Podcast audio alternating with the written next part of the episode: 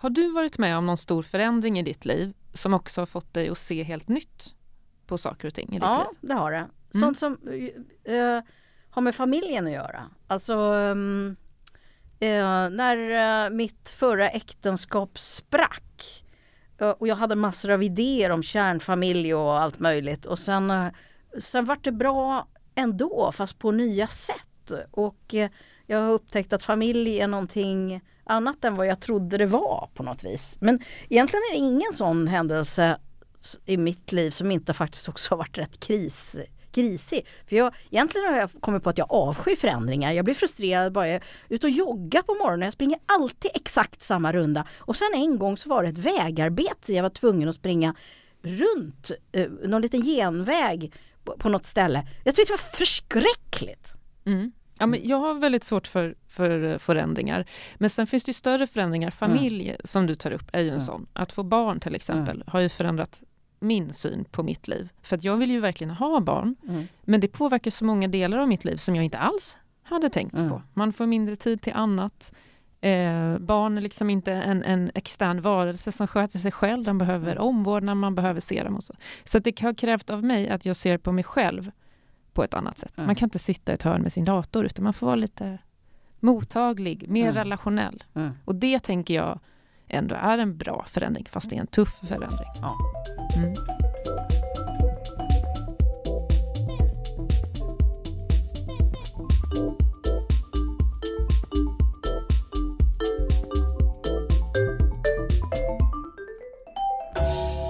Det krävs ju förändringar i samhället. Eh, vi behöver sluta vara så beroende av fossila bränslen. Så är det ju bara. Och det är en förändring som är plågsam, men den måste göras. Så här är vi ju intresserade av hur man får människor att ställa om. Eller kanske på ett ännu större plan, hur kan man ställa om hela system? Mm. Mm. Det ska vi prata om i Klimatgap idag. Och med oss har vi Per Olsson, docent på Stockholm Resilience Center på Stockholms universitet. Välkommen! Tackar! Eh, och som vanligt i Klimatgap har vi Maria Wollratz Söderberg, docent i retorik på Södertörns högskola. Ja. Eh, och jag heter Moa Svan och jag gillar alltså inte förändringar. Har jag inlett här. Men du är ju expert på förändringar, kanske större förändringar i samhället. Eh, per, hur går det till? Ja, det brukar gå till så att, eh, att eh, något behov kanske finns som gör att eh, nya saker växer fram och eh, kan vara nya idéer. Eh, kan vara beroende på en kris. Det kan vara att, att någonting, de gamla systemen inte levererar längre kanske på ekonomisk stabilitet eller vad det nu kan vara, rättvisa, hållbarhet förstås. Eh, och då eh, kan det komma att börja gro nya idéer och nya tillvägagångssätt. Nya system börjar på utvecklas. Och sen så ibland kan de ja, ja, eh, ta över helt enkelt. Eh, och eh, från de gamla systemen. Men är det inte ett problem just nu att det där inte händer i tillräckligt hög takt mm. när det gäller hållbarhet. Och du nämnde Absolut. de gamla systemen som inte levererar. Jag kan tänka mig att det finns en massa gamla system som mm. inte levererar. Mm. Eh, man skulle kunna kalla dem för paradigm eller, ja. eller sådana här idéer som mm. vi har. Och det är väl det som vi hoppas prata med dig mm. om idag. Jag, vi kan ta en idé som, som jag har tänkt mycket på. Det är idéer om utveckling. Mm. Att den ska vara linjär på något sätt. Att den eh, jag tänker att det kommer, eh, ja, men, vi, vi, ska inte skylla allt på Descartes. men, men, att, men att liksom upplysningstidens eh, ideal om det eh, om det rationella tänkandet och också om hur eh, och idéer om hur vi människor fungerar och bör fungera eh, har ställt till den del mm. eh, för oss. Och vi tänker att eh, eh utveckling alltid är till det bättre mm. och till mer. Mm. Och så vidare. Vad tänker du om den idén om utveckling eller de idéerna? Ja, alltså det är det, är det vi måste um, Många av de här gamla idéerna som vi måste liksom kliva ur. Liksom. De har ju skapat, som du säger, systemen.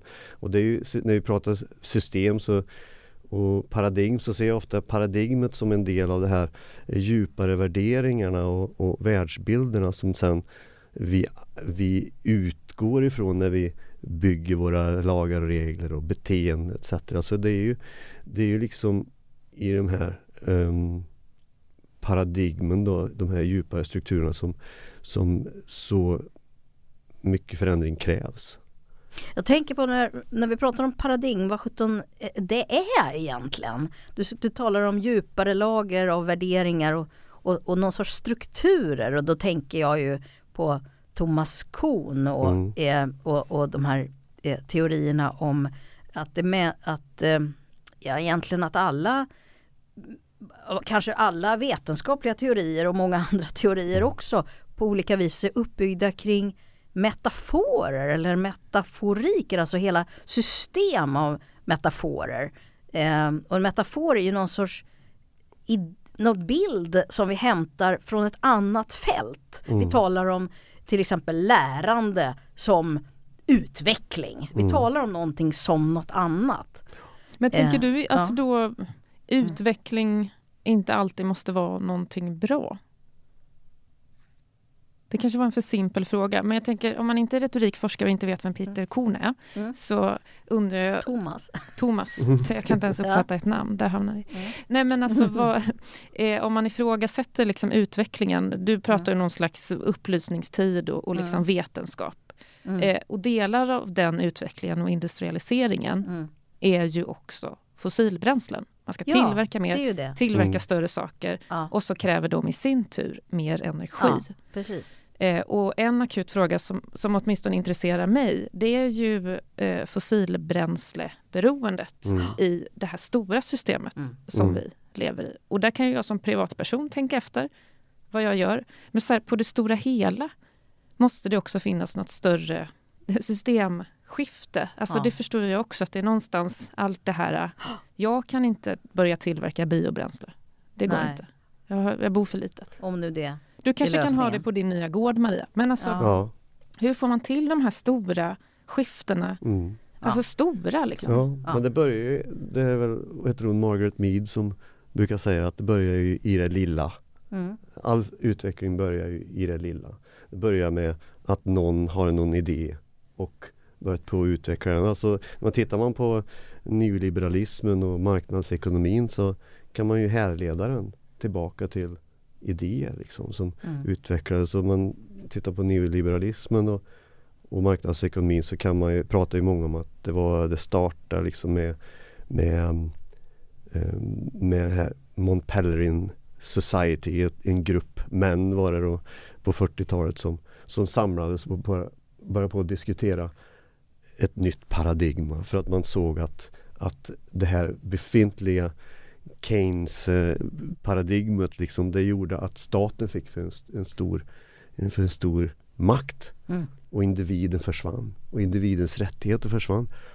Och så började man på och, och skapa ett manifest utifrån det och det blev ju sen grunden för Friedman School of Economics och, och, eh, och, och den sen den neoliberalism och marknadsekonomin som vi har idag. Så det, jag tycker det är jätteintressant att titta på alla de här stora förändringarna i mänskliga rättigheter. Och när ja, också jämställdheten, kvinnorörelsen för hundra år sedan är ju också Vi har tittat en del på den som det som hände i Nordamerika kring reproduktiv rättvisa och um, birth control, um, eh, preventivmedel etc och, och, och ser liknande alltså dynamik där. Ja. Det är liksom några som börjar, de ser att det här systemet det, det är värdelöst.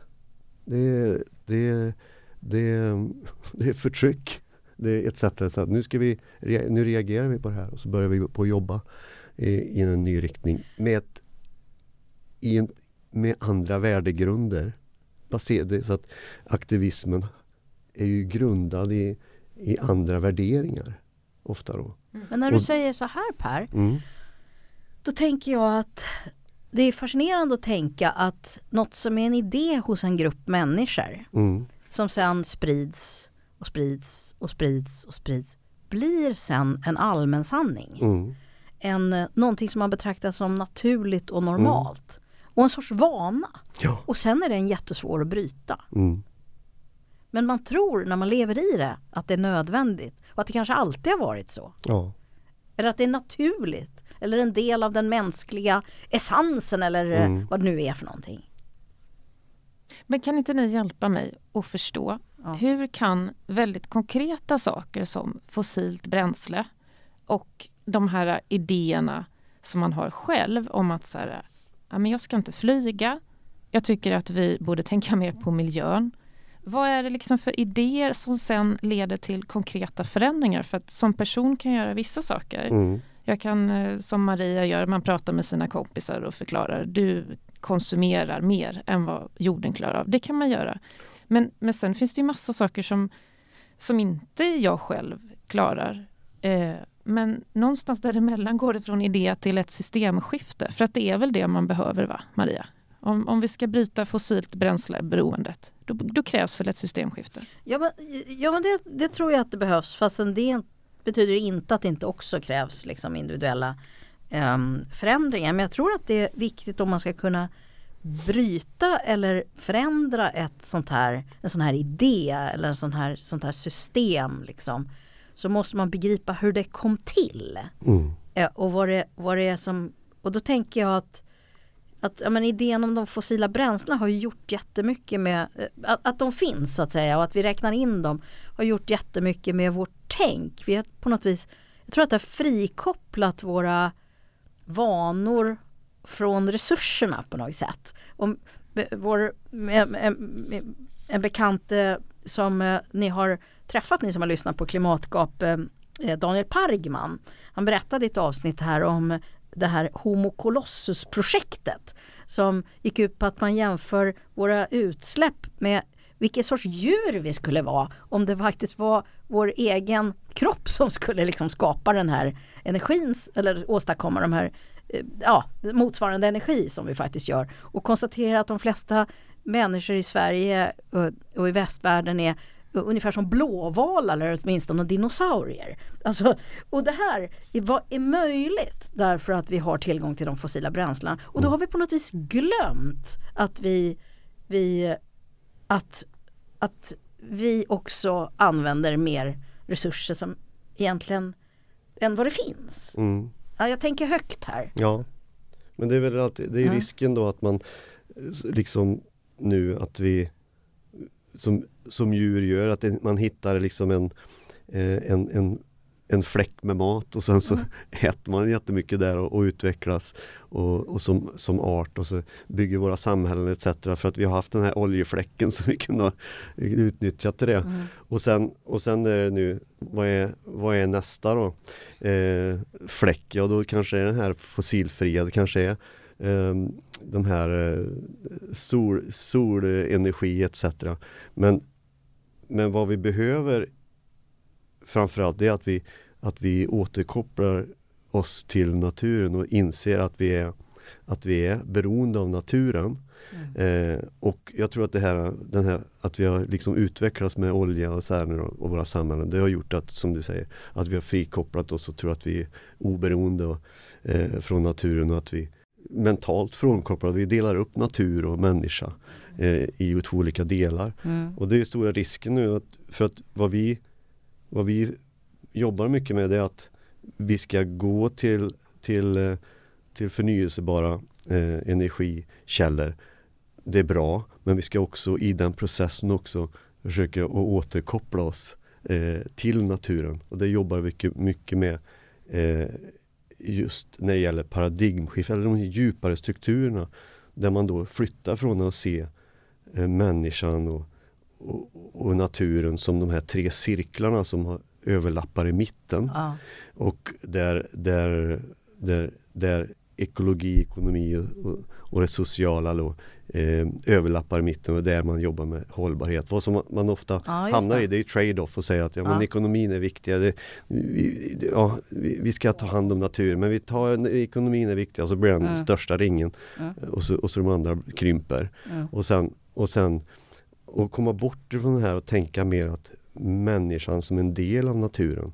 Alltså att de här ringarna ligger i varandra. Så att, där, där naturcirkeln är liksom basen. Mm. Och utan den så kan vi inte ha några, något samhälle, någon, någon ekonomi. Mm. Och då är det den, det ger mer en så här kopplad bild att vi är, mm. att vi är kopplade, att vi är sam, helt integrerade i, i våra planets ekosystem och att vi är helt beroende av dem. Och, då, då, och den förflyttningen är den där mentala eller den djupare värderingsförflyttningen är jätteviktig i den här förflyttningen till nästa energifläck där vi kan förflytta oss och, och, och, och fortsätta bygga våra samhällen. Men du som har tittat på massa sådana här transformationer, vad skulle du säga karaktäriserar dem? Alltså vad är det som befordrar eller som möjliggör stödjer att en sån här transformation äger rum och kan vi på något vis lära oss av det? Ja, absolut. Och man kan titta på eh, Vi har tittat på väldigt mycket olika omställningar ute i världen. Alltifrån omställning i en liten kommun till, till eh, internationella sammanhang och även historiskt. Och det man ser att man varje omställning är ju beroende av sitt sammanhang och, och ser väldigt olika ut. Men vad vi har tittat på det är att, eller vad vi har funnit är att de, det kanske generellt så kan man prata om att de genomgår olika faser. Mm. Så att man har någon typ av eh, fas där man förbereder sig för systemförändring. Att man, att man att man dels bygger det nya, hittar nya idéer men man också försöker att skaka om det här systemet som inte funkar. Mm. Att, man, att man försöker att knocka det. Och, och sen så kommer det kanske genom att man, man någonting händer så att man lyckas att bryta sig igenom och, och få en möjlighet att förändra systemet. Och det kan, det kan vara eh, beroende av en kris till exempel. Att någonting händer, en naturkatastrof etc. Händer, en pandemi som kommer in och, och knockar systemet så mycket så att det skakar till och det blir möjligt att göra, ta större steg än som var möjliga förut. Och då mm. går man in, säger vi, i en annan fas. Mm. Ett formativt moment kanske, som vi kallar för navigeringsfasen. Och där det är helt plötsligt möjligt att göra saker som inte var möjliga förut.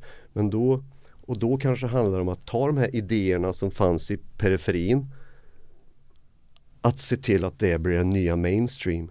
Mm. Och det händer ofta då genom att saker och ting institutionaliseras. Det betyder att, att det, man bygger regelverk och normer som gör att man stödjer de här nya idéerna som fanns i periferin. Att de får lagligt stöd. Annars så har de, de bara sig i, i periferin. Eh, men det är så att institutionaliseringen är viktig. Och därifrån sen när man fått en institutionalisering, det är då man kan gå in i stabiliseringsfasen.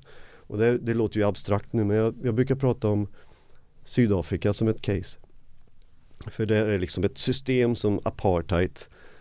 Det var ett system som många ville eh, liksom att det skulle eh, bort. Och eh, då var det i förberedelsefasen då så var det en massa eh, eh, grupper då som knockade, försökte knocka systemet och skaka om det. Och till slut så kom man till den här punkten 1990 där de Klerk sa att oh, vi, ska, vi ska byta system. Och, eh, och Mandela frisläpptes. Det var då man, jag säger att då, det är då man går in i den här navigeringsfasen. För då säger man vi ska skriva om konstitutionen. Och så går man in i en fyraårsfas där man ska eh, ja, skriva om konstitutionen och då i den fasen, i de fyra, under de fyra åren så dog fler människor i, i, i våldsamma konflikter än någon annan fyraårsperiod under apartheid. Så det var väldigt oroligt? Då. Just det, precis. Ja. Så då, Men vänta, vad var orsak och vad var verkan där? Var det så att det var den här att den här navigeringsfasen hände på grund av att det var så oroligt eller var det så att det blev så oroligt för att man var i den där navigeringsfasen? Ja, det blir, Eller kan man inte säga? Jo men det, alltså anledningen var att, mm. att de grupper som, som var, var liksom enade i rörelsen mm. helt plötsligt började på fightas med varandra. För mm. man var överens om, om att systemet måste brytas ner. Mm. Men man var inte överens om riktningen. Okej, är det karaktäristiskt för den här fasen även om man ser på andra ja. transformationer? Alltså, jag måste säga att det låter jätteintressant. Det finns en bok om Tunisien ja. som jag inte kommer på namnet nu men där en journalist som följer hur de skriver en ny konstitution efter revolutionen. Ah. Och det är precis det du pratar om. Att när de olika grupperingarna ska komma överens så blir det eh, våldsamt ja. och vissa grupper eh, ah. tar över och det blir dödligt våld och det blir mm. oroligt. Så ja. man får då följa hur de här människorna som är hoppfulla och ska skriva en ny ah. konstitution, hur de liksom bryts ner mer eller mindre. Ja. Men det är ju en deprimerande Precis. beskrivning. Där landar man ju inte egentligen i någonting bättre. Eller så, vi vet inte ännu. Eh, är det så att de här, vi har de här tre faserna, leder de alltid till någonting? Nej. Så att säga. Nej, Nej alltså, så transformation alltså, de lyckas inte alltid. Rätt. Nej. Nej, absolut. Och det är ja. väldigt Då tar vi viktigt. inga risker hörni. vi ger upp.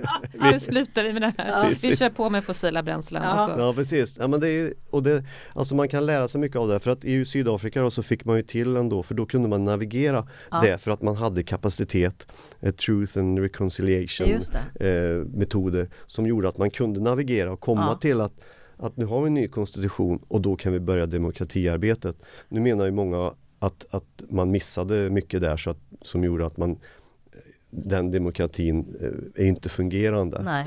Eh, för alla. Nej. Och, men man gjorde ändå en omställning och det, man kan lära sig jättemycket som mm. ni var inne på mm. om just det här att för att när det gäller arabiska våren förutom Tunisien då som kanske kom närmast det här demokratispåret eh, det var ju att alla andra länder misslyckades ju.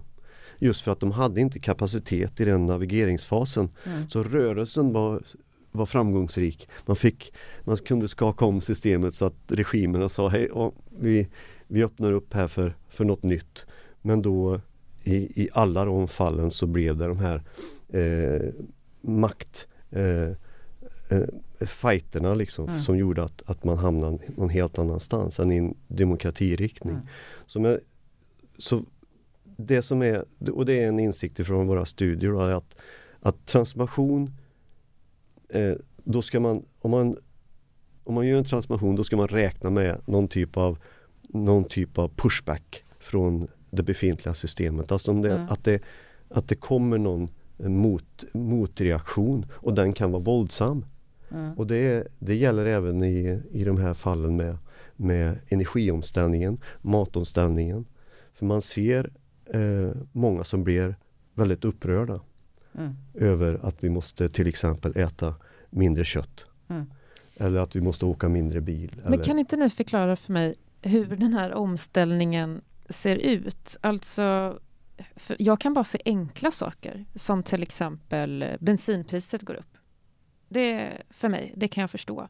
Eller eh, ska vi sluta importera gas och olja från länder som vi inte tycker om. Inga nämnda, inga glömda. Och eh, ska vi gå över till liksom solenergi. Jag kan bara se de här konkreta eh, små liksom, tårtbitar. Men det är svårt att tänka att en del jag kan, av ett system. Ja, jag har jättesvårt att få det liksom ja. att gå ihop. Men, men är det så att den här, om nu bensinpriserna fick skjuta i höjden är det liksom, skulle det kunna bli den här äh, tokiga krisen där? Ja, absolut. Och det, vi, vi brukar säga att det är oftast inte en kris utan när det gäller det, är nästan som ett krislandskap. Att, mm. att, eh, att vi har eh, all, nästan alltid har vi flera kriser som pågår samtidigt. Så att jag skulle, just nu så här i Sverige så har vi klimatkris, biodiversitetskris, pandemi, eh, elpris, chock i december, eh, eh, gas och oljepriser, oljepriser i skjuter i höjden med, med eh, invasion av Ukraina och, och eh, även så här kriser som som eh, ett tag fanns det ingen cement mm. och, du vet, och, och och sen så finns det inga halvledare. Mm. Eh, du vet, så, så mm. Man måste förstå hela det här landskapet för att för, också förstå um, vad man ska göra och ha strategier för hur man navigerar det. Så att, och det, det, det tycker jag man brister i många gånger, att, att se det här krislandskapet som en, ett möjlighetssammanhang. För att de här kriserna utgör ju olika möjligheter att flytta olika pjäser. Men alltså jag läste en rapport nyligen om livsmedelsberedskap och eh, ja, motståndskraft i samhället i kriser. Mm. Och då kanske ja, kan vara väpnade konflikter eller pandemi eller så. Och då var en lösning på detta var att eh, om vi är mindre beroende av att importera eh, fossila bränslen och kan själva producera mer biobränsle. Det här kanske då jordbruk primärt, för det är de som ska ge oss mat. Liksom. Mm. Om de kan göra de två grejerna samtidigt så kan de förhålla sig till två kriser, det vill säga klimatkrisen och eh, en annan typ av kris, om mm. samhället blir avstängt av olika skäl. Mm. Är det den typen av tankesätt där folk sitter och funderar och klurar. Jag tänker att det är så systemmänniskor som sitter på något departement. Och jag liksom... tror att det är det som gör också att det är så himla svårt. Därför att man skulle ju önska att det var någon som var så himla klurig så den kunde göra ett fantastiskt läggspel. Mm. Det var massa pusselbitar men om man bara mm. lägger dem rätt så blir det ändå pusslet helt och platt. Ja. Och, ingen, och ingen får lida. Nej. Men så är det ju inte utan hur man än lägger pusslet så mm. är det något jävla skav. Ja, du är, ja, du är grym och hård ja. där Maria, ja. det är liksom ja. plåstret av. Ja men på något och sätt no, tror jag att det är så. Men jag skulle vilja hoppa... kommer att liksom, liksom röjer i pusslet. ja men att det, det, pusslet är inte komplett. Det kommer, det kommer en tvååring som inte vill bygga klossar utan ta isär. Det är flerdimensionellt mm. och bitarna skaver alltså. Ja. Vi tror hela tiden, och det tror jag hör ihop med den där utvecklingstanken. Vi tror mm. att, att det skulle, om, om alla gjorde rätt så skulle alla alltid få det bättre och alla pusselbitarna skulle komma på en perfekt plats. Ja. Eh, men, men, det är eh, jätteintressant. Jag tror ja. att det handlar om att se utveckling som ingenting som man kan staka ut. Nej. Nu ska vi staka ut, det gör vi ju hela tiden. Mm. Och det för mig är ju ur ett transformationssammanhang och komplexitet så är det helt fel. Mm. För man kan inte staka ut eh, riktningar framåt mm. utan transformationsresan eh, eller transformationsvägen ehm, eh, utvecklas under våra fötter. Ja, och det är det som är så jobbigt. Ja. Mm. Det är det man hatar med förändringar. Ja. Mm. Det är det man hatar med förändringar, precis. Ja, precis. Att det gungar under fötterna ja. på en. Man behöver vi, det nu. Ja. ja precis och så måste vi ha, vi måste ha sätt att, att eh, navigera då ja. ändå. För det kan man och det vet vi. Det finns ju jättemycket forskning och, och även erfarenheter, praktisk erfarenhet hur, hur man navigerar man i sådana situationer med, där man har väldigt hög osäkerhet. Ja. Och, och men är inte problemet att vi lätt kapitulerar för osäkerheten? Vi tänker ja, men till exempel att vetenskapen gör det därför att vi är vana vid att vi ska kunna säga något säkert och ja. ha kontroll. Annars mm. är det bättre att vi inte säger något alls. Men, men nu mm. har vi ju vetenskapen här, det är ju er två. Hur gör vi för att ja, hantera förändring och navigera? Ja. finns jo, det något svar? Du säger att det finns forskning. Vad kan ja, man det finns verktyg sig? också att man, mm. att man navigerar eh, eh, Till exempel så så säger vi att eh, det här med att ordet lösning det, mm. det, det är djupt problematiskt mm. för mig för att, för att man tänker ofta att en lösning ska, ska fixa problemet. Mm. Och, så, och, och, och, vi vet i när det gäller komplexa sammanhang som vi, som, som vi befinner oss i, i våra samhällen så, så, så leder ju ofta en, en lösning till sju nya problem. Mm. Och eh, då måste man ju istället kanske tänka sig någon typ av något ramverk som vi använder istället för att vi går framåt. Att vi introducerar lösningar men vi kollar också upp noggrant vad som händer mm. runt omkring den lösningen. Och där finns det så här utvärderingsmetoder, monitoringmetoder. Mm. Till exempel finns det en som vi använder som heter Developmental Evaluation. Som då är en utvärderingsmetod som följer eh, en process väldigt nära mm. och, och försöker att och, och, och, titta på data längs vägen och, avgöra och, och, mm. och, vilken riktning och vad är det för oförutsedda negativa konsekvenser som är på väg att hända eller händer och vilka mm. oväntade positiva konsekvenser också eh, kan man hålla koll på för då kan man, då kan man använda det för att styra bort ifrån de negativa och mot de positiva. Men hade man stakat ut en väg då hade man liksom eh, ja, framförallt missat kanske de här oväntade positiva mm. resultaten och navigerat däråt för man hade redan stakat ut en riktning. Så det är inte femårsplanerna som ska lösa det hela? Nej, jag det kom vi fram till, det var länge sedan det spöket passerade Europa. Det var före dina gubbar. Ja. Men alltså, jag måste också tala om för dig som lyssnar att Per pekar så ja, otroligt pedagogiskt med handen. En stakad väg. Man tänker ja. sig att man tar liksom, pekar med hela handen framåt och så liksom svänger han lite pedagogiskt åt ja. höger och vänster. Lite som att dirigera vägen. Du ska rakt fram, sen vänster, höger. Och det är det där man kan inte veta på förhand utan man får utvärdera ja. medans ja. man håller på. Ja. Men det är ju de här vanliga kriserna också väl, Maria, som, som vi tog upp. Skaffa barn, eh, äktenskap. Man testar eh, och säga nej till sin treåring och så sen, ha, hur gick det? Okay. Egentligen så tänker Absolut. jag att det här pekar verkligen mot hur problematiskt det är att vi har sådana bestämda uppfattningar om en massa saker. Eh, det ställer till det för oss. Mm. Eh, Framförallt och... andra människors bestämda uppfattningar. Ja, alltså. Absolut, absolut.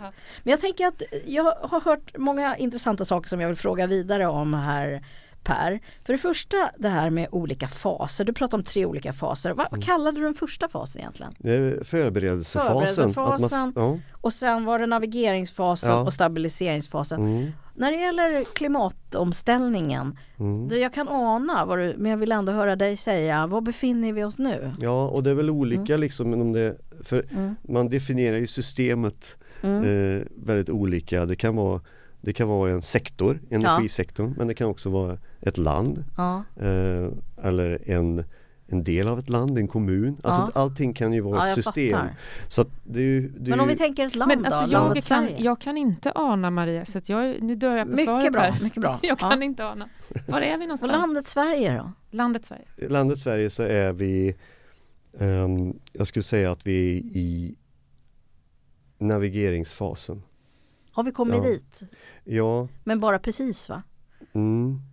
Ja. Jag tror det för att Jag tycker det är jätteintressant med Sverige. Vi, ja. för att vi pratar mycket om det här klimatneutrala samhället mm. och att vi har Att vi har eh, eh, Ja, att vi är bra. att vi är bra på, ja, det, pratar på vi det här. Mycket om. Och vi är jättebra. Mm. Och, och att vi gör mycket för att uppnå den, den omställningen. Och det är många stora företag som är med. Mm. Eh, och där tycker jag det är intressant att man pratar om då Norrland nu som det nya södra. För mm. det är mm. där som många av de här lösningarna mm. för att klara den här eh, omställningen mm. ligger. Det är alltså, Hybrid. Ja, och, och eh, gruvorna och eh, det, med mineraler som vi mm. behöver till den nya mineralbaserade eller bio, mm. biobaserade ekonomin. Och sen så har du också mycket vindkraft eh, kan ligga. Så, så att, och då Så jag ser, jag ser att man är inne i navigeringsfasen där där många av de här idéerna som låg och puttrade i periferin är nu det man liksom försöker att institutionalisera mm. och få som den nya mainstream. Mm. Vad man missar är ju, som jag ser då i den processen det är att man har sån här vad heter det, klimattunnelseende. Mm. Så man ser liksom, vi ska lösa klimatproblemet. Mm. Och så missar man många av de sociala mm. problemen, målkonflikterna. Och en del biodiversitets och sådana frågor. Ja. vad sa du nu? Biodiversitet, liksom, Vad mångfalden. är biodiversitet? Ja, har jag aldrig hört. Jag tänker bara, vänta, ska jag sluta demonstrera mot Gallup? Inte ja. att jag demonstrerar, jag gör det på sociala medier, men ni ja. förstår. Eh, det är ju en konflikt. Alltså. Ja, men den, den biologiska mångfalden, mm. att, att den kan vara hotad av att vi till exempel eh, fokuserar så väldigt starkt på eh, vissa, på, på, biobränslen till exempel. Ja, mm. precis. Och så, mm. och så har vi skogsbruk som ska mm. se till att vi har biobränsle bara. Alltså att mm. man fokuserar en, lös, en lösning på ett specifikt problem. Mm. En, en sån här lösning på klimatproblemet. Och så och så är man sådär jättesmal mm. i, mm. i sin approach. Va? Kan ni förklara ännu mer så att jag verkligen förstår? Alltså biodiversitet Ska ja. man inte hålla på med biobränsle eller? Nej, så man, då, då, då har man ett skogsbruk då som är fokuserat på det och då kanske det handlar om att ha eh, eh, ja, monokulturer av, av ett visst träd. Där man bara odlar ett visst trädsort. Men det som, som kanske är bra för eh, ja, på många sätt med koldioxidlagring etc. Men, men, och biobränsleproduktion etc. men jättedåligt för den biologiska mångfalden. Mm. För insekter mm. och, och, och mikroorganismer. Och, och det är biodiversiteten. Att det finns mycket olika, att, man, att det inte blir en ensidighet liksom i systemet. Kan ni förklara ja. det med hjälp av gruvorna då? På, hur tänker du? Nej men skulle det, om, om eh, om skogen ska ge oss biobränsle och det är mm. enspårigt, mm. men det finns en biologisk mångfald mm. att ta hänsyn till. Mm. Är det så att gruvorna då ska ge oss eh, mineraler så att vi kan ja, ha batterier och el? Och att det konkurrerar med andra värden som, som eh, ursprungsbefolkningar och mänskliga rättigheter mm. och så vidare. Ja. Det krock, där krockar liksom Precis. värden och mål. Ja. Men jag tolkar det Per som att vi ska sluta försöka Nej. stänga gruvan i Kallak, att vi var tvungna att ha gruvorna. Nej, hur Nej. fick du det till det? Ja, det, var, det är sådär som man kan bli tolkad ibland ja. liksom av, ja. ja nej, det, nej absolut inte. Utan jag tycker, jag tycker, min poäng var ju att man missar eh, ofta de här mm. mänskliga rättigheter etc. i den här snabba processen framåt. Vi ska mm. klara den här och klimatomställningen i Sverige. Men, men hur går det med, med med, mm. med de andra bitarna i samhället. Men det är där också eh, man kanske måste ta det till, till en, så att säga, en ytterligare högre nivå.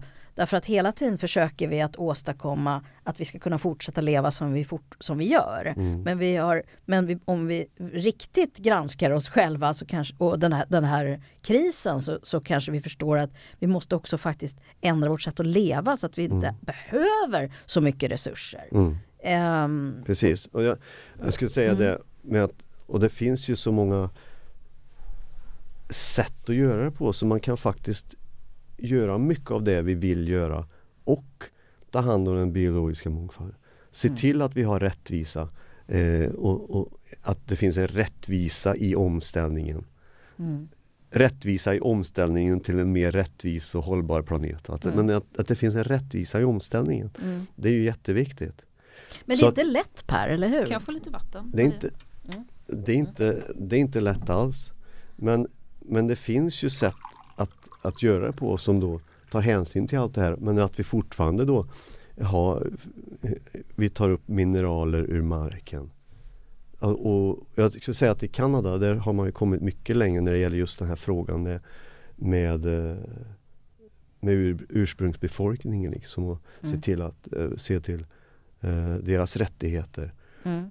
Etc. Där har man kommit mycket längre. Men det här är väldigt hoppfullt tycker jag höra. Mm. Att, eh, för jag brukar ibland känna så här att ja, men vi, vi, måste acceptera att alla värden inte går att förena och så får vi stå ut med att vi får välja, vi gör en sorts prioritering och så får vi stå ut med att saker som vi värderar högt får vi välja bort för ja. klimatets skull. För det är ändå en övergripande och den allra viktigaste frågan. Ja. Men Eh, du verkar ha tänkt väldigt mycket på hur man faktiskt ändå kan förena världen mm. eh, eh och åstadkomma ja. transformationer som ändå förenar många av de här behoven. Ja, precis, mm. och, och en, en sak som jag tänker på när du säger det är att, att vi måste ställa om systemen vilket betyder att ja, vi kanske inte kan äta lika mycket kött som vi brukar göra mm. eller, eller eh, och köra vår bil som vi brukar göra på de bränslen som vi brukar göra etc. Och eller vi, jag kan inte jobba i ett kolkraftverk längre för att det ska läggas ner. För vi ska fasa ut det. Och det, det där tycker jag är viktigt för en viktig bit för att där är det viktigt att vi kommer, att vi tar hand om dem som, som eh, då eh, förlorar sin inkomst, förlorar mm. sin kanske sin identitet. Jag har jobbat mm. med det här kolkraftverket hela mitt liv. Hela mm. min identitet ligger där. Och det är det vi kallar för ett hospicearbete. Att, ett hospice är ju ett sånt här sjukhem för människor ja. som är döende. Precis. Ja. Så att, så att, ja. Det känns system... väldigt drastiskt helt ja. plötsligt. Alltså, Ska man... vi lägga kolarbetarna på hospice? Nej, Nej, men det är faktiskt en, en jättefin metafor tänker jag. Att precis som att man tar hand om döende människor och ger mm. dem en bra sista tid ja. så behöver vi ta hand om eh, fossilindustrin eller snarare eh, alltså att vi måste mm. tänka att det här är en period av av, av, av att ta avsked. Liksom. Ja. Och att den är också smärtsam ja, och kräver omsorg om ja. de som är inblandade. Men då är inte vi då på ett stort hospice? Jo, det kan som man ju säga. Som är högskolan? Jag tänker pandemin till exempel. Jag har ju varit kulturarbetare, mm. träffat många andra kulturarbetare som är studenter under pandemin. Mm. Här, här kan vi vara. Mm. Så här har man ju blivit omhändertagen. Mm. För då har det ju varit en slags paus ja, i kulturarbete. Det, Kanske inte en sån dum liknelse. Ja. Nej, och det är alltså, lite plågsamt, man har en ny identitet, mm. man är student. Precis. Mm. Men, och så tvingas du göra det här Moa. Ja precis. Ja, men nu kommer fördelarna. det var temporärt. nu kommer fördelarna. Ja. Nu, nu svänger jag mot det positiva. Ja, och, precis. Eh, ja. ja. men det, alltså det kanske handlar om att en, en temporär eh, eh, plats så man får liksom ha något att göra medan man väntar på att det här ska gå över och kan, man kan liksom återgå. Mm. Men i den här hospice-idén så handlar det om att någonting måste ju dö. Och eh, det är värderingar, eh, beteenden, lagar och regler, alltså systemet som behöver, som behöver dö och det behöver få dö med värdighet. För att det är ju det ett problem idag att många då som har sin identitet, inkomst etc. i det gamla systemet känner en sorg mm. över att det där försvinner. Ja. Och behandlar man inte den sorgen ja. så kan det bli ilska, hat, destruktiv kraft i samhället. Det känner vi igen. Ja, och det ser eh, vi i våra studier att, ja. att det har för människor som har ändrat beteende i den här studien som jag berättar om hundra gånger att människor som har slutat flyga. Mm. Så har det varit en sån fas där man har liksom tagit avsked och varit ja. väldigt ledsen. Ja. Eh, men eh, det är också så att många som har då ändå gjort den här eh, livsstilsförändringen har fått, sökt och fått stöd hos mm. andra mm. och kunnat dela den här sorgen. Ja, eh, och kanalisera den och, och så har man faktiskt kommit ut på andra sidan. Ja. Även om man kan tänka med nostalgi mm. på det. Precis, och det, den där sorgen mm. För vi pratar ofta om mm. sorg, vi har sett, det har varit en hel del tidningsartiklar eh, om sorg men då, och klimatförändring. Men, men då har det handlat om, många gånger om ungdomars till exempel sorg för att inte politikerna tar de ja. beslut som de behöver ta. Men det här handlar om... Eller sorg för det som går förlorat i klimatförändringarna. Ja, det är ju också en sorg. Precis, ja. exakt. Men det här handlar om den här sorgen då som, har, som, som, som är kopplad till det här som måste dö. Och det, jag tror att det är många till exempel eh, framförallt män som känner att sättet de vill vara män på mm. finns det inte så mycket plats för längre. Nej. Och, och, och, och det, det där är kopplat kanske då till, ja. till sorg men och många gånger ser vi att det där blir, blir till ilska. Ja. Och, och ilskna män som gör, gör destruktiva saker. Samtidigt så har jag lärt mig ganska nyligen, det var någon slags konferens med jämställdhetsperspektiv mm. och eh, klimatfrågor, att eh, män har ju fortfarande fördelarna i klimatkrisen när det handlar om teknik, att ofta betonas eh, tekniken. Och det vet jag att du är kritisk till Maria, att man kan inte bara be tekniken lösa alla eh, klimat, klimatproblem. Men det finns ju Nej, vi också... måste ju naturligtvis jobba med tekniken men om vi tror att den ska lösa problemet så att vi andra så att vi människor slipper, då blir mm. det problematiskt. Ja. Mm. Nej, men jag tänker bara mm. den, den sorgen. Mm. mm. Män som håller på med teknik och som är liksom, i den sektorn har ju också en del eh, att vinna och att det här är liksom ekofeministperspektivet, jag kan jättelite om det här, men en liten av det, del av det handlar om att det är liksom oftast eh, mäns eh, arbete och områden som hamnar i fokus och där teknik är ett sånt. Man kan i alla fall mm. se det på hur eh, resurser fördelas för klimatomställning. Så är det ju väldigt mycket till teknikutveckling. Ja, ja men, men alltså min, min storebror mm. jobbar ju med så vattenkraft mm. och, och, sånt, jobbar mm. med infrastruktur. Vilket vi skojar lite om att eh, jag bara, pandemin var ju inte så bra för mitt jobb och han bara, nej, du skulle arbetat med infrastruktur. Mm. Haha, så skojar. Eh, men, men då är ju det en del av lösningen. Då jobbar ju han på var eh, var allt händer va? Precis. Mm. Mm. på den goda sidan. Ja, just det.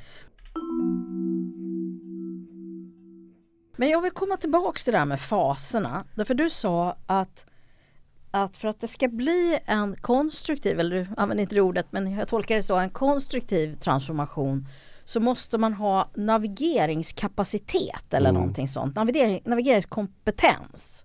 Kapacitet. Kapacitet sa mm. du kanske. Kompetens ja. är bra.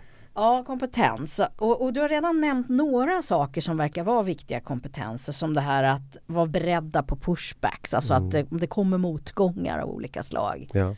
Eh, och att eh, annat som jag kan urskilja så här långt är ju att vi, vi måste vi måste anpassa oss efter vägen mm. och att det är väldigt bra att hela tiden orientera sig och ha koll på sådana här målkonflikter. Mm. Um, och du har nämnt det här med att vi ska kunna hantera sorg. Är det flera saker som ingår i den här navigeringskapaciteten som du tänker att vi kan lära oss av de här transformationsexemplen du har tagit upp? Ja, det, det är ju kanske kapacitet kring att samarbeta mm. eh, i den här fasen. För, och inte bråka. Exakt. Ja. Och, eh, men tillåta konflikter och eh, det är just det här när man när vi kan vara överens ganska många gånger att systemet måste bort. Mm. Och då, då, då kan man vara man kan vara vänster eller man kan vara eh, Trump-anhängare eller vad, liksom man, kan, man, man kan fortfarande vara överens om att mm. systemet ska bort. Det kan man vara överens om. Mm. Men till, så fort man får en chans och ska ta det här klivet då, nu, nu har vi en chans att förändra systemet. Då kommer man inte vara överens. Men då hamnar man då, ju lätt i förlamning. Det ja, blir det. ingenting. Liksom. Precis och då det där, det där känner vi är mycket nu. Ja, just och, det. Och, och, eh, Otroligt och det blir bara låsningar hela tiden. Ja. Polarisering. Eh, för att man, och, och, så kommer man inte vidare. Nej. För man är inte överens om vägen eller vilket första steget ska vara. Men då finns det då I Sverige känner vi ju ofta att vi ska ha konsensus mm. här, för att kunna samar samarbeta. Mm. Men det kan man ju inte ha i de här situationerna. Utan det är situationer där vi står väldigt långt ifrån varandra. Så, det, så är det. Och då finns det ju sam, samarbetsmetoder, samverkansmetoder för just sådana såna sammanhang där, där man står långt ifrån varandra. Och då tänker jag på en som Adam Kahane har skrivit mycket om, det kallas för stretch collaboration. Mm. Då har han då tittat på, eller han har arbetat i till exempel i Colombia mm. med, med eh, att försöka få separatisterna och regering och liksom andra aktörer att jobba tillsammans. Mm. Och, även, och, och, och också jobbat i Sydafrika mm. med den demokratiseringsprocessen. Så det är hans erfarenheter. Och så har han skrivit många böcker. Så han har skrivit en bok då, som handlar om Collaborating with your enemy, att samarbeta med fienden. Så, för så kan det vara, så, är, så kan det vara i de här situationerna vi är i nu. Det är, vi måste försöka få till samarbeten mellan grupper som står väldigt långt ifrån varandra. För att om man ska säga alla måste få vara med mm. i den här omställningen. Den måste vara rättvis som jag sa förut. Och, men det betyder också att vi har många med och vi kommer att stå väldigt långt ifrån. Men vad kan vi lära oss av Keyhane då, Dora? Hur kan man arbeta med fienden? Ja, men det, och då har han, jag kan inte gå igenom hela hans metoder Nej. men det handlar om facilitering. Ja. Det handlar om metoder som eh, som Truth and Reconciliation, nu vet jag inte, kommer inte ihåg vad det heter på svenska. Det heter um, ja, men Truth and Reconciliation som ja. används ofta i de här um, uh, demokratiseringsprocesserna. Den går ifrån från, uh, krig eller uh, en krigssituation till, till fred. Till exempel så använder man ju sådana metoder. Mm. Så det handlar mycket om sådana metoder. Men fast det här behöver du förklara. Mm. Vad, vad, är, vad innebär en sån här metod? Eh, det jag tänker på är ju att man eh, talar med varann eh, med mm. hjärtat i handen, alltså ja. med sin sårbarhet. Mm. Eh, Precis. Eh, på olika sätt. Ja. Men hur åstadkommer man det? Ja det finns ju det finns ja. nog inte ett sätt. Nej jag vet, jag är bara så nyfiken på vad Nej, men det, och jag kan inte mm. Jag vet inte riktigt liksom i, i varje sammanhang hur mm. man åstadkommer Nej. det för det, det ser nog väldigt olika ut. Ja. Men jag tycker det är intressant att titta på de processer till exempel i Rwanda efter folkmordet. Och, och, vilka metoder man använder där, där man ska försöka få någon typ av samverkan, samarbete ja. mellan personer, människor, grupper som har haft livet av varandra. Ja.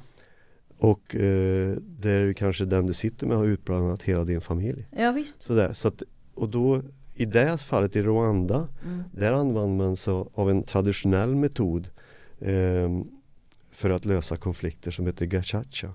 Som, som var en traditionell metod men i andra fall så, så kanske man an, får internationell hjälp mm. eh, i förhandling, inom förhandlingssituation. Ja. Så att det där ser nog väldigt väldigt annorlunda ut. ett men... problem är väl att vi gärna eskalerar konflikterna för att vi är så rädda att tappa ansiktet mm. och um, behöva ompröva sånt som är viktigt för oss. Och då upprätt, gör man mycket för att upprätthålla konflikten istället för att liksom ja. närma sig varandra. Men är det inte ju... det där lite det som ja. i kulturbranschen man pratar om cancel culture?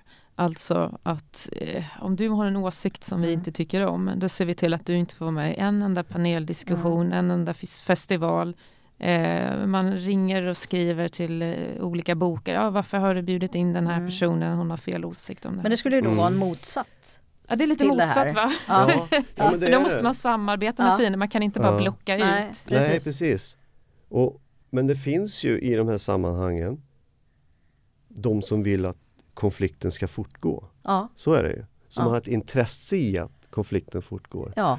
Och eh, jag har en, en, ett, ett, fall som jag brukar använda, det är Everglades. Och det, där man försökte få till en... Eh, I Florida? Ja, i Florida. Där man försökte få till en en eh, det är ett träsk bra. För ja, precis. Ja. Och en, en, en, bra förvaltning av det träsket så mm. att det skulle så att det kunde ha, ha liksom fungerande ekosystem med, med mm. fantastiska djur och växter. Mm. Samtidigt som man har en utveckling med stads, eh, staden växer och man bygger i de här områdena.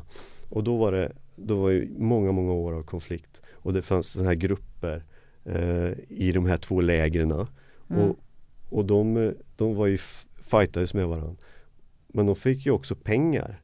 Alltså bevarande. Mm. Eh, gruppen fick pengar. För att och, upprätthålla konflikten? Ja, men de, de, fick ju pengar som, som då eh, där, som gjorde att folk kunde vara där och bygga karriärer och, ah. utifrån den här konflikten och, och så här, ah. och, och, men ser vi inte samma sak när det gäller många klimatfrågor? Jo. Det är ju väldokumenterat nu hur eh, jag menar, fossilindustrin faktiskt har understött mm. politiska mm. Riktningar ja. som försöker bevara fossilanvändningen. Precis. Till exempel. Ja, mm. men då, då är man inte intresserad av kanske konflikten men, men, men, systemet. Nej, det är sant. Ja. Man, det, är sant. Men ja. systemet, ja. Men även konflikten kan, kan bli en yrke eller ett, ja. en identitet. Precis, ja, vad man gjorde i, mm. i Florida var att man, man gick in och bröt det bara och så, mm. och så skapade man en liten en, mm. en plats, mötesplats mm. där man tog eh, folk som ville något annat ur båda de här lägren mm. som inte ville vara i det. Mm. Och, så, och så skapade man något nytt så blev det en, en magnet. Men det här låter ju jätteenkelt och jättebra. Uppstod. Men vem sjutton är man ja. som gick in och bröt? Ja men då, då har vi tittat ja. och då då är det de här bävrarna man hittar i systemet Aha. som är och jobbar på, på alla nivåer med att försöka förändra beteende. Nu pratar du inte om riktiga bävrar nej, utan nej, du pratar det, om, sa, om ja. att det finns människor i systemet som, som ändå vill. Ja, människor som fungerar som små ja. bävrar som, så, som så, envetet jobbar. Men det måste ju funnits någon utomstående som gav dem makten då, då eller lätt? Ibland, ja. men, men, ofta är det ju de som ja, själva tar, själva tar, tar initiativet. Ja. Så är det ofta samarbeta. med förändringsagenter. Mm. Och där tittar vi ju och använder begreppet systementreprenörer, ja. eller begrepp. Men alltså, men vi pratar nog om systementreprenörskap. Ja. För det behövs för att förändra system. Alltså att det inte är individuellt ledarskap nödvändigtvis utan det är interagerande förändringsagenter som förändrar system. Men okej, inte kan man dra en slutsats till av det här om den här eh, vad, vad, kallade vi det för kapaciteten i mm. navigeringssystemet. Mm. Nämligen att man behöver identifiera och kanske understödja sådana här mm. Agenter då, entreprenörer. Ja. ja.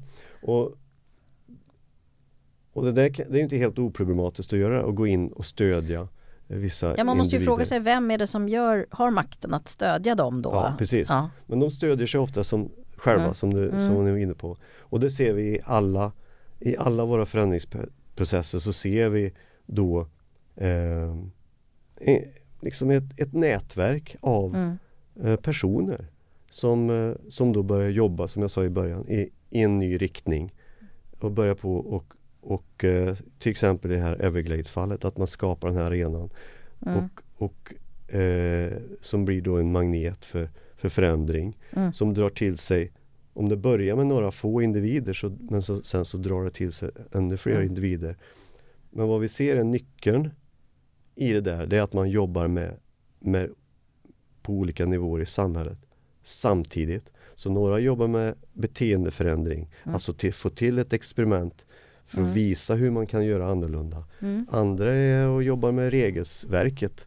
De är lite så här det vi kallar för policyentreprenörer, eller institutionella entreprenörer. De kanske jobbar i Bryssel eller de jobbar på nationell nivå med att förändra regelsystemet. Och sen så har vi de andra kanske som jobbar med värdegrunden, kanske jobbar med utbildning. De är normentreprenörer eller Mm. moralentreprenörer som då jobbar med, med, med den biten. Att När du beskriver det så här så känns det himla hoppfullt för jag ser ju att det här finns på alla nivåer i precis. Sverige. Alltså jag måste säga att det är en lättnad att vi äntligen får en gäst som gör Maria glad.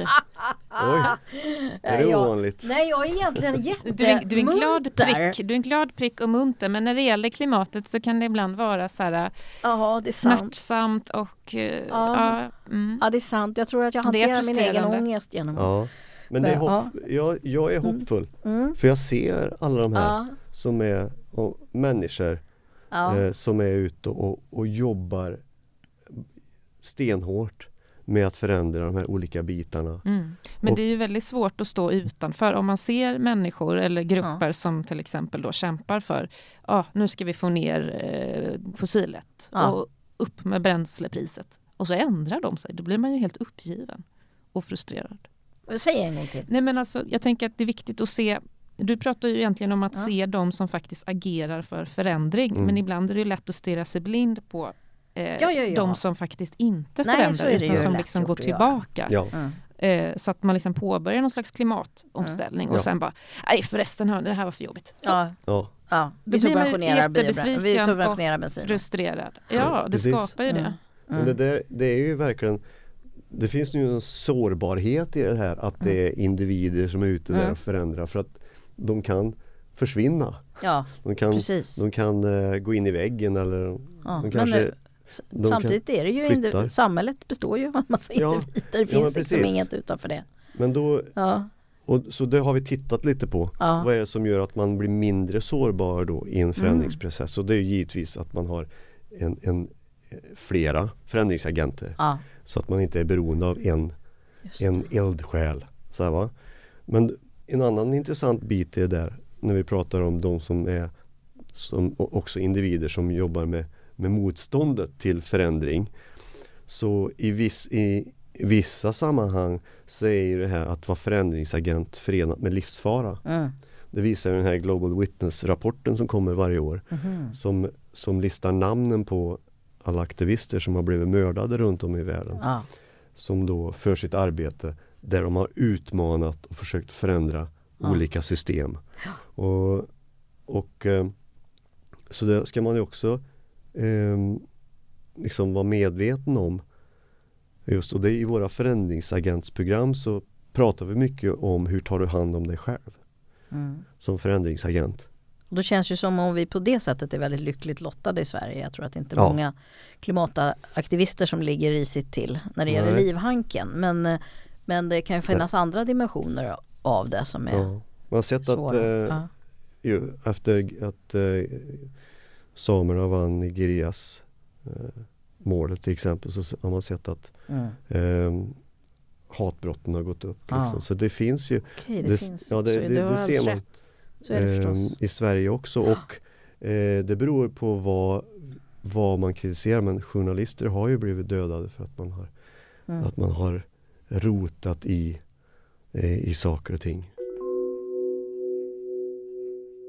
Per, kan du säga någonting om om, eh, om du skulle ge ett råd till Moder Svea höll jag på att säga här nu.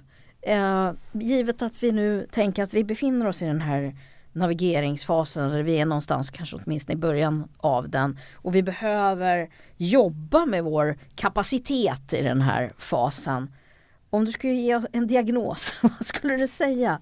Vad behöver vi göra för att den här transformationen ska bli så bra och så snabb också som möjligt? Mm, vi, ska, vi ska ha reflexiv förmåga. Vi ska reflektera, ha sätt att reflektera över vår, våra steg framåt.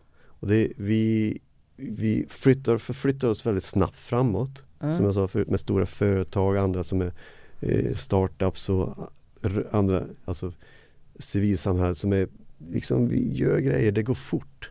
Ska jag säga nu. Mm. Men vi, vi, när det går fort så kan det också bli fel fort. Alltså de här sidoeffekterna mm.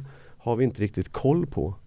Utan vi har, vi har någon typ av tunnelseende, mm. ska jag säga nu. Där vi, där vi tappar lite och har koll på saker och ting kring den här till exempel mm. omställningen till klimatneutralt samhälle. Mm. Och då behöver vi en, en förmåga att reflektera snabbt. Och det är hos de som jobbar med den här omställningen ja. då? Men om vi tänker att, vi också, att det faktiskt också kanske går för långsamt för vi hamnar i den där passiviteten ja. när, för att vi klarar inte av att välja mellan eh, eh, när det är målkonflikter av olika slag. Eh, hur skulle vi kunna få upp den förändrings, systemförändringstakten då? Ja, det tror jag är jätteviktigt att politiken är med. Ja, hur ska den bli det då? Ja, det, och vad kan politiken släpp göra? sargen och kom in i matchen. Ja. Eller? Ja. För att jag, jag fick precis en kommentar på det, att jag sa det mm. i ett, ett annat möte här. Då fick jag kommentaren att eh, eh, ja, i Sverige är man, eh, behöver man komma in i matchen men, men ja. På EU-nivå så ser det bättre ut. Ja. Och, och det är hoppfullt. Men och jag kan bara säga, det här blir en personlig reflektion över politiken men, ja. men jag, jag, jag anser att politiken många gånger misslyckas med att att, att hjälpa oss att lösa de här frågorna. Ja. Och en sak som kommer upp i diskussionerna som jag är med i det är att vi, alltså politiken behöver åstadkomma någon typ av lösning som man gjorde med pensionerna. Mm. Där, man, där man tillsatte en, en, jag tror att det heter parlamentarisk grupp. Mm. Eh, som då fick till uppgift att Ja men det här är så viktig fråga så fixa den. Mm. och se till att komma överens och göra något bra.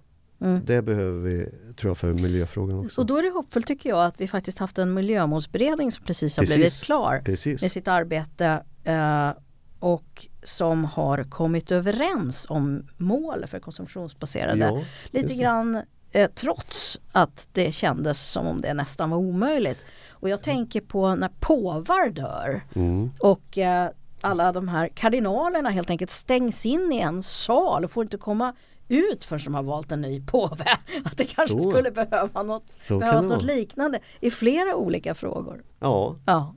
Ja men jag tror det. Kom in i matchen. Ja, kom mm. in i matchen. Släpp sargen. Mm. Mm. Tack så jättemycket säger jag för det här samtalet. Tack så mycket.